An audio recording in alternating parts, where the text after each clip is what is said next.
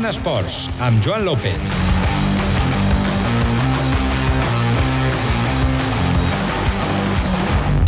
Hola, molt bona nit. Avui comencem una miqueta més tard, passen ja 4 minutets de les 8.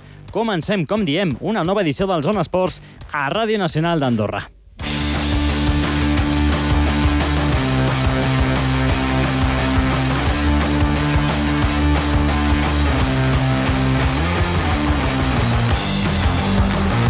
Doncs vinga, a banda del petit retard, amb moltíssimes ganes, com sempre, de posar-vos al dia de l'actualitat esportiva del país al llarg d'aquesta mitja hora que dediquem de dilluns a divendres a conèixer l'actualitat dels esports del país. Per començar, avui ha acabat ja el preeuropeu de futbol sub-17 que ha organitzat Andorra. La setmana vinent tindrem europeu preeuropeu sub-19. Avui, com diem, han estat els sub-17 els que han tancat un torneig en què Andorra no ha pogut sumar cap punt. Avui ha tornat a plantar cara davant del Kazakhstan en el darrer partit però finalment els d'Eloi Casals han perdut per 0 a 2. Dos gols pràcticament seguits, amb un gol de penal de Kazakhstan que obria el marcador al minut 15 i amb una acció ràpida per la banda dreta, en aquest cas de l'atac del Kazakhstan, 8 minuts després que deixava el 0 a 2 definitiu. Farem balanç per obrir el programa amb el seleccionador nacional Eloi Casals. Hem de parlar de bàsquet, tenim diferents motius per fer-ho. D'entrada, Oliver Estevic, el pivot serbi, és dubte per al partit de dissabte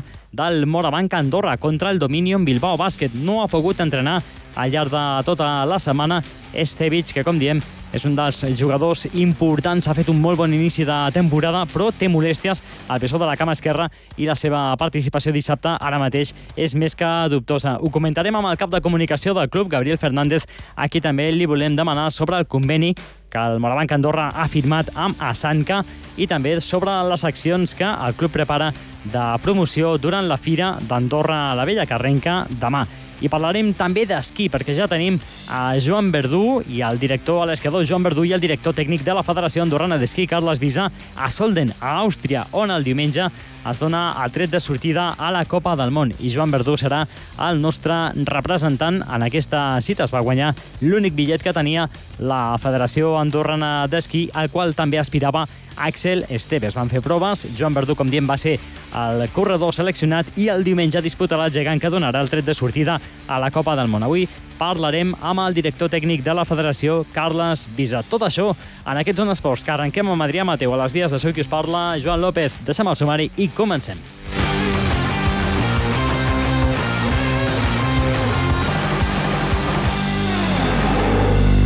Zona protagonista.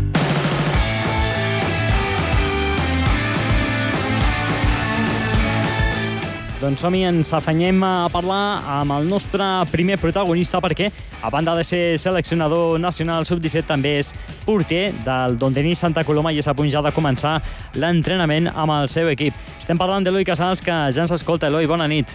Hola, bona nit. Et truquem avui com a seleccionador nacional sub-17 perquè ja ha acabat el pre-europeu que ha organitzat Andorra. Heu jugat el darrer partit aquest migdia contra el Kazakhstan 0 a 2. No sé quina sensació t'ha deixat aquest darrer partit del pre-europeu. Bé, aquest darrer partit, doncs, doncs ja ho he dit al finalitzar, no? quan, quan ha acabat. Eh, em, em trobava i em trobo dolgut per la derrota, eh, no, no per la derrota, sinó, sinó pel fet de que, de que bé, esperàvem aquest últim partit tindre opcions fins al final, com a mínim, de, de puntuar, i no ha pogut ser així. I també pel fet de, de que crec que, que en la preparació del partit doncs, els jugadors no hem acabat de, de fer entendre quin era el perill real que tenia Kazajistan, sobretot amb el seu davanter i amb la saca de llargues del seu porter, i amb això tan simple doncs, doncs ens han aconseguit guanyar. Uh -huh. Els dos gols, una llàstima, Eloi, perquè han arribat de manera pràcticament doncs, amb molt poc espai, no? Amb 8 minuts, el primer de, de penal, el segon, com dèiem, amb una acció ràpida per la banda dreta, jugada doncs, assajada una mica, la contra ràpida. Mm, una llàstima, no? Heu tingut també vosaltres accions, alguna ocasió clara. Llàstima, sobretot, els dos gols tan seguits.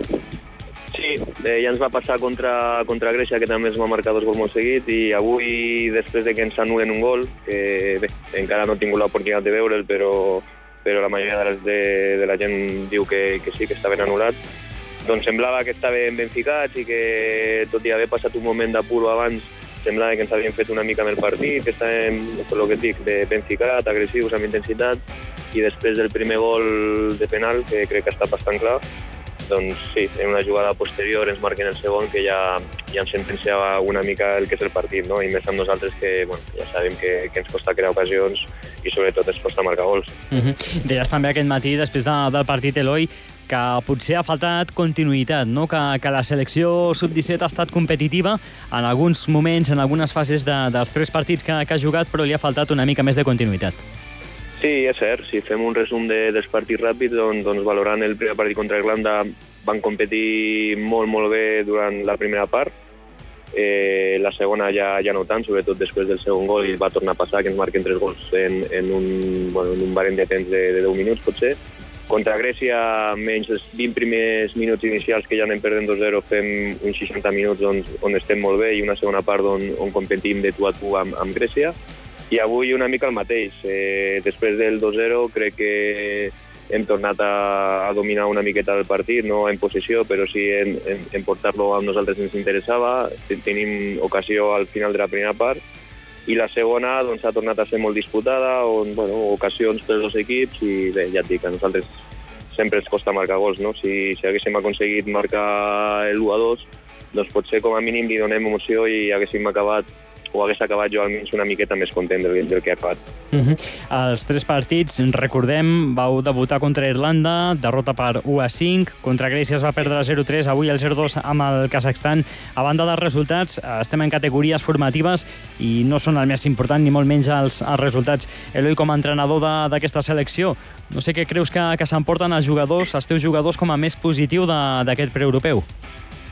L'experiència en si de, de jugar aquest tipus de, de, pre, de preeuropeus, de jugar contra, contra els rivals que jugues, de, del nivell que tenen i de poder competir aquesta setmana, eh, jo crec que tot, tot això és positiu, no? I si després ja són capaços d'aprendre de, de, del que ha passat al camp, no, no només dels errors, sinó de totes les coses que hem fet bé, com per exemple en els tres partits hem estat capaços de, de crear molt perill i donar molta sensació de perill en, en accions a pilota aturada, doncs si ens emportem aquestes coses jo estaria, personalment estaria molt content, no? perquè tot això suma de cara a sub-19, sub-21 i ojalà que més d'un doncs, pugui arribar a l'absoluta, que al final és, és l'objectiu que tenim, no? Uh -huh. Per on s'ha de seguir treballant? I aquesta és l'última.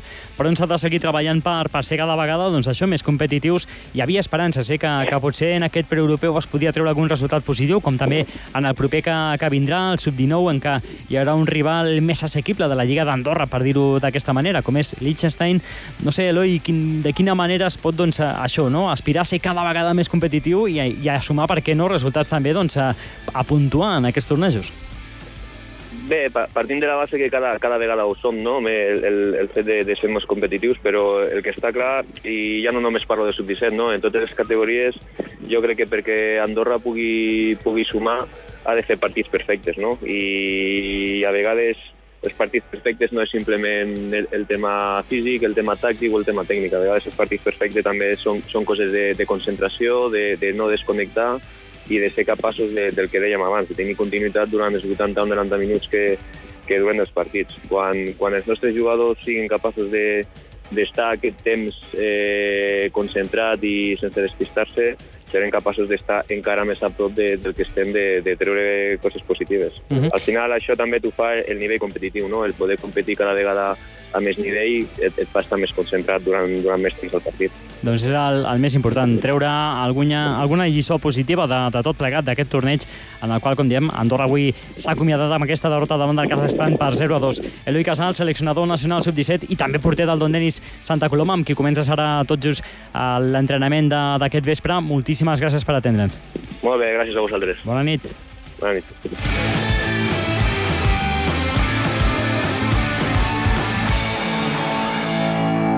Zona Actualitat. Doncs som 13 minuts que passen de les 8. Seguim al Zona Esports. Anem a parlar de bàsquet i del Morabanc Andorra. Tenim molts motius per fer-ho. Anem a saludar d'entrada ja al cap de comunicació del club, Gabriel Fernández. Gavi, bona nit. Bona nit, Joan. Que et volíem comentar diferents qüestions. D'entrada, la que més ens preocupa, la que fa referència al vessant esportiu. Oliver Estevich no ha entrenat en tota la setmana per problemes al, al bessó de la cama esquerra i és dubte per al partit de dissabte. És dubte, té, té problemes al bessó de la cama esquerra i no, no està bé, no està prou bé per entrenar i no sabem si està, no sabem encara si està prou bé per, per jugar. I, home, tal com estava jugant aquest senyor fins ara, és una baixa sensible per l'equip nostre, pel, pel partit, per l'espectacle, perquè per guanyar un equip que ve com el Bilbao necessitàvem tota la munició necessària, no? tota la munició possible. Uh -huh. I ell pues, a, a dia d'avui es dubta. Estevich havia fet dos partidassos, els dos primers de, del Morabanc aquesta temporada contra l'Herbalife i el Joventut. És cert que contra el Bascònia va tenir menys presència, menys protagonisme, potser també menys, menys minuts. No sé si, si en part per les molèsties que ja tenia el mateix diumenge o, o quan, quin és l'origen d'aquesta lesió, d'aquests problemes. Es va lesionar el partit, perquè el partit va jugar i després ja no ha tornat a entrenar. És dir que... Però no tinc constància que durant el partit no se l'utilitzés menys perquè tingués molèsties. Uh, tinc la sensació que aquest és un tipus dur, és un jugador expert i veterà, i en el fragor de la batalla que se sol dir, doncs, ell devia anar per totes i, i potser doncs, la, la lesió igual eh, no, no va ser un obstacle, no, no és una lesió molt greu, no va ser un obstacle per, per seguir competint, però un cop, doncs, evidentment, tot s'ha refreda, eh, es fan les primeres exploracions i després amb molta cautela el que s'està fent és veure l'evolució amb tractament durant la setmana i esperar veure el cap de setmana a veure com està. Uh -huh. No sé si, si des del club hi ha optimisme de que finalment, encara que no sigui ni molt menys al, al 100%, pugui tenir minuts Oliver Estevich, tenint en compte el que dèiem abans, que ens visita el líder, un Bilbao Bàsquet que arriba invicta i que, doncs, evidentment, faria falta tota la munició per, per intentar doncs, aturar aquí el, el líder. Home, jo no sóc optimista perquè és una lesió punyetera, és, és una zona del cos punyetera i aquestes qüestions musculars eh, han de fer realment net. Si, si juguéssim la final de la Copa del Rei d'aquí dos dies, no, no, no seria el cas perquè juga molt seguit, no? però ja m'entens, no? si tinguéssim un partit fonamental d'aquí un parell de dies i em, preguntessis si ell podria jugar, doncs igual et diria, potser sí que arriscarà o farà tot el possible, però la temporada és llarga i a vegades si arrisques ara ho pots estar pagant durant dos mesos. No, no sóc optimista respecte a que jugui, però igual sí que al final juga, tot depèn de la salut. A, a dia d'avui es dubta. Uh mhm. -huh. Hem vist per ser a l'entrenament d'aquesta tarda un dels joves, de, dos dels joves de, del sènior B, Nicola Maric, l'alè pivot bosnià, que, podria ser potser el recanvi d'Estevich de, de cara a la convocatòria, ja ho veurem demà, i també doncs, a, a Nil Bria, l'alè català de, del sènior B. Uh, Gavi, també parlen de, de l'entrenament d'aquesta tarda. Els jugadors s'han fet una foto de família amb els representants de l'Associació Andorrana contra el Càncer a Sanca, amb qui es faran diferents accions de, de promoció, no? de sensibilització durant la temporada. Sí, hem signat un conveni amb la SANCA, que és una d'aquelles entitats que no, no té molt temps, la SANCA, no? però és d'aquelles entitats que hi rom en el panorama andorrà amb molta força, eh, ens sensibilitza, ens ajuda a veure una realitat que, per desgràcia, una realitat amb la que convivim moltíssimes famílies, amb més o menys proximitat, però el tema del càncer jo crec que ens ha acabat tocant a pràcticament tots, amb, més o, amb, amb menor o major intensitat i amb, i amb millor o pitjor resolució, no? però és un tema supersensible per tothom i veure una entitat que fa tantes coses, que és tan inquieta, que fa tantes coses bones i tenint nosaltres l'altaveu que tenim, doncs el que hem de fer és intentar ajudar-los en tot el que podem. Comencem aquest dissabte, eh, se sortejarà el descans una samarreta tricolor molt xula, d'aquestes que tenim de la segona equipació, firmada per tots els jugadors, i el que hi haurà és explicat així fàcilment, una espècie de petita flota de voluntaris de la Sanca al hall del poliesportiu venent butlletes per aquest sorteig d'aquesta samarreta que, a banda de ser molt maca, va firmada per tots els jugadors del Morabanc Andorra i al descans la sortejarem. És la primera de les accions que farem aquest any i volem fer-ne moltes més. Uh -huh. Doncs ens sembla fantàstica la iniciativa i aquesta col·laboració per donar encara doncs, això més difusió a tota la tasca fantàstica que s'està fent des de, des de Sanca. Uh, Gavi, també volíem demanar-te doncs, per les diferents accions de, de promoció, en aquest cas, que farà el club aprofitant la, la fira, com, com és tradició cada any, uh, accions que començaran demà amb presència de, dels jugadors al matí a l'estand que té el club a la fira, no? Mira, demà al matí hi haurà a les 11 i fins pràcticament quarts d'una, tot depèn, eh, més o menys, això és, és una mica elàstic. Uh, Nacho Martín, David Jelinek, David Navarro i Guille Colom. Són els quatre que, que vindran demà i començant per aquí, perquè per qui m'ho has demanat, no? Per qui també m'has demanat, doncs els jugadors per, passaran per la fira i passarà tota la plantilla, en aquest cas aquests quatre demà, i podran saludar les autoritats i tothom que passi pel nostre estant demà. Durant els tres dies que dura aquest superesdeveniment social a casa nostra, doncs demà en concret, a partir de la tarda ja es podrà jugar, perquè de fet el terme correcte és jugar, a un, a un joc que hem anomenat el joc del BCA, que és un wall, una paret eh, plena de foradets, i aquests foradets amb una pilota d'aquestes petites, doncs eh, la persona que es planti al davant, tu podràs jugar, Joan, si vols també. Doncs sí, sí, provarem, eh?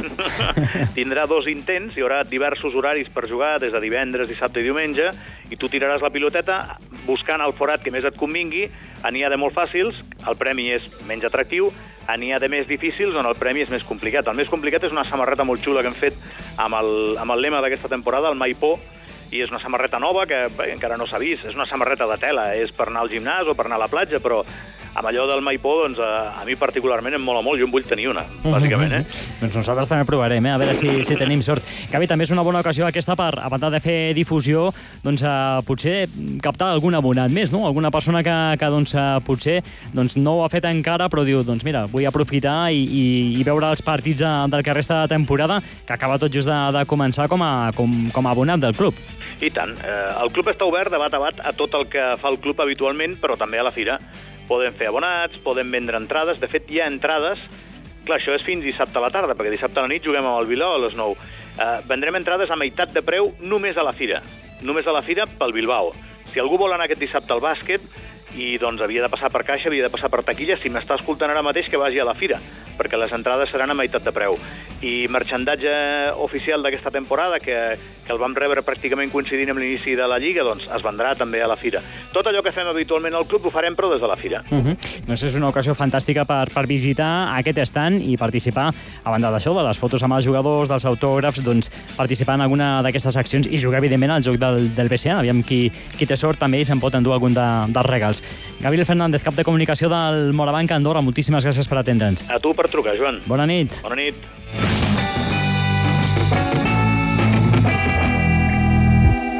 Zona Actualitat.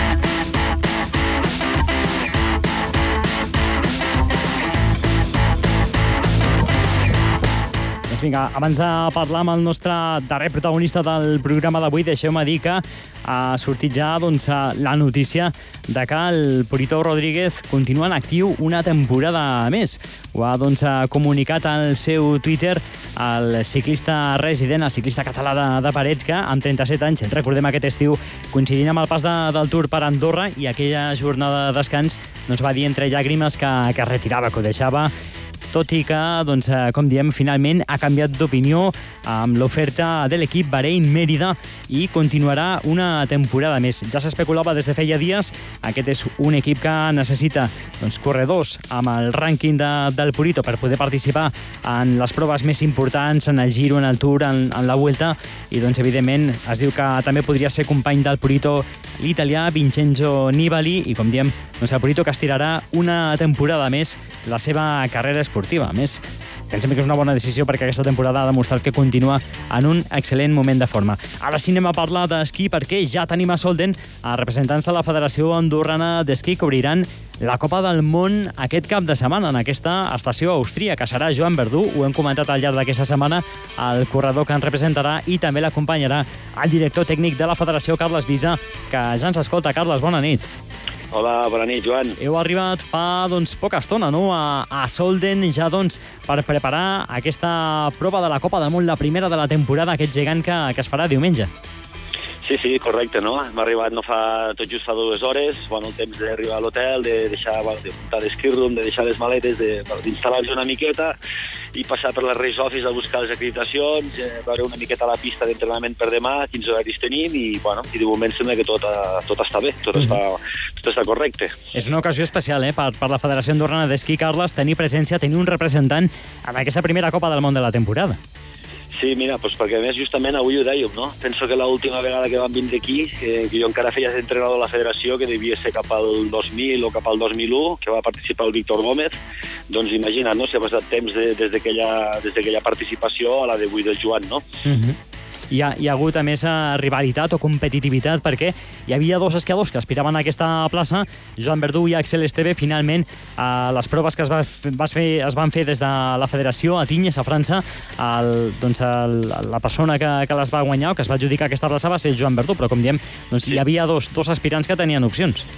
Sí, sobretot això, no? El que comentes, eh, doncs aquest fet de que com a mínim bueno, ja tenim dos, dos esquiadors doncs, que realment estan bueno, fent molt bé els deures amb gegant i evidentment doncs, veure, també en tenim d'altres doncs, que en velocitat doncs, també, són, també són punters i també són forts, no? però bueno, en aquest cas doncs, és una cursa de gegant, els dos millors especialistes doncs, que tenim ara doncs, probablement són l'Àxel i el Joan, la veritat és que l'Àxel no li va pujar gens fàcil les coses al Joan, va haver una lluita molt maca i bueno, la veritat doncs, que finalment el Joan es va endur la, la classificatòria i bueno, doncs ell serà el que em representarà aquí a Andorra, aquí a Zolden, perdó, i espero doncs, que ens sortiran bé les coses. Mm -hmm. Estem parlant d'una prova que es fa al mes d'octubre, el dia, el dia 23 d'octubre. Encara és molt aviat, pràcticament doncs, no ens hem mentalitzat que, que ja comença una nova temporada blanca.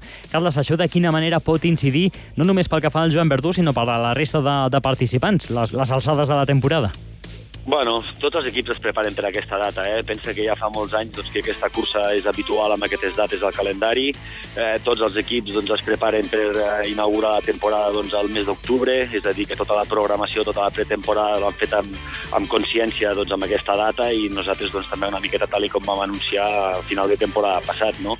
Eh, bueno, després una mica és el que veurem, no? tots els equips doncs, estan una mica a l'expectativa, a veure doncs, com s'hauran preparat, si el treball que han fet doncs, pagarà, si no pagarà, qui realment estarà més fort, qui realment serà més ràpid, doncs bueno, estem tots una mica a l'expectativa doncs, a veure què passarà doncs, a diumenge un cop s'acabi la cursa, no? amb els resultats a la mà doncs, i, bueno, i podrem avaluar una miqueta doncs, si la feina que hem fet ha pagat o no ha pagat. No? Uh -huh. I com es troba el, el Joan que, d'altra banda, Carles, afronta la seva primera Copa del Món, un corredor jove amb molta experiència ja en competició i grans resultats, potser una de les grans esperances de, de l'esquí andorrà de cara al present, amb un magnífic present i també un prometedor futur. Com, com arriba i com afronta aquesta primera Copa del Món?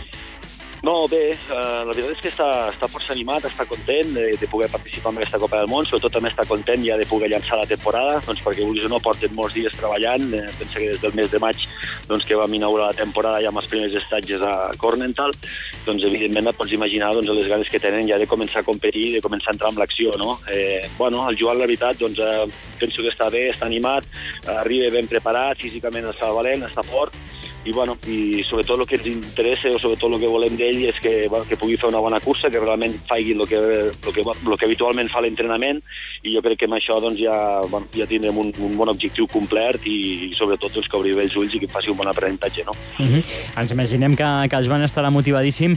Una mica també, Carles, aprofitem avui la, la teva presència al Son Esports per, per demanar-te sobre la temporada. No sé si, si des, de, des dels equips nacionals de, de la FAI hi haurà moltes novetats pel que fa a corredors, entrenadors, dos, una miqueta així a la prèvia que podem destacar. Sabem que la Mireia Gutiérrez ja ens ho ha dit doncs, al llarg de la pretemporada torna a recuperar la disciplina de la supercombinada i per tant ha estat també treballant la, la velocitat a, a les estades que s'han fet a l'Argentina i, a, i a Xile. No sé quina altra novetat podem destacar en aquesta prèvia d'inici de, de la temporada. Bueno, moltes novetats tampoc te les puc destacar avui, perquè tot justament, doncs, eh, bueno, ahir encara estàvem reunits amb els entrenadors, acaben de planificar, acaben de ficar objectius, acaben de fixar una mica doncs, eh, tot el calendari que tenim, que tenim per davant, no? Eh, bueno, el que sí que et puc avançar és que, evidentment, doncs, eh, dels resultats que l'any passat doncs, eh, bueno, doncs intentarem millorar-los. L'any passat doncs, vam intentar estar en aquesta Copa d'Europa. Evidentment, aquest any hi tornarem a fer presència doncs, perquè sabem i som conscients que el camí doncs, pensem que és aquest, no? El, bueno, doncs, el fet de poder estar davant amb la Copa d'Europa, el fet de tindre bons resultats amb la Copa d'Europa, que és el que després ens donarà confiança per poder arribar a la Copa del Món i amb garanties de poder-ho fer bé. No? Uh mhm. -huh. És a dir, que una mica la traça, el guió, eh, més o menys serà cap aquí. No? Uh mhm. -huh. I com a cita potser més important, recordem que no hi ha grans cites a casa nostra en aquesta temporada. Carles, sí que hi ha uns mundials, no? que, que potser serà la cita doncs, més il·lusionant d'aquesta temporada 2016-2017. Sí, no, evidentment és, eh, bueno, doncs és la cursa més important que tindrem aquest any, el Mundial de Sant Moritz, que es farà al febrer, la primera setmana, primer, bueno, segona setmana de febrer deu començar. Evidentment doncs, sabem que és un objectiu important i bueno, intentarem arribar el més ben parats possibles, però sobretot eh, nosaltres l'objectiu que tenim i que pensem i que creiem que realment som conscients que tenim que fer és que hem d'entrar forts a la Copa d'Europa, que realment ho hem de fer bé i que després les coses doncs, sortiran més fàcils a, allà on anem, no? sigui un Mundial o sigui una, una Copa del Món. No? Uh -huh. Recordem el diumenge Joan Verdú, el nostre representant en aquesta primera Copa del Món de la temporada a Solden, a Àustria, una prova de gegant. Sortida de la primera mànega, Carles, a partir de les 10 del matí? Sí, eh, si es confirma, teòricament està posat a les 10 del matí eh, i bueno, ja veurem una miqueta el temps que tindrem. Normalment han donat por per demà i per demà passat, per diumenge se'l matí que eren alguns núvols, però bueno, espero que el temps doncs, sigui igual per tothom i que això tampoc ens perjudiqui gaire. Uh -huh. Doncs esperem que el Joan Verdú tingui un excel·lent debut a la Copa del Món i un excel·lent debut a la temporada. Carles Visa, director tècnic de la Federació Andorrana d'Esquí, moltíssimes gràcies per atendre'ns. Gràcies a vosaltres per l'atenció. Bona nit. Bona nit, Joan.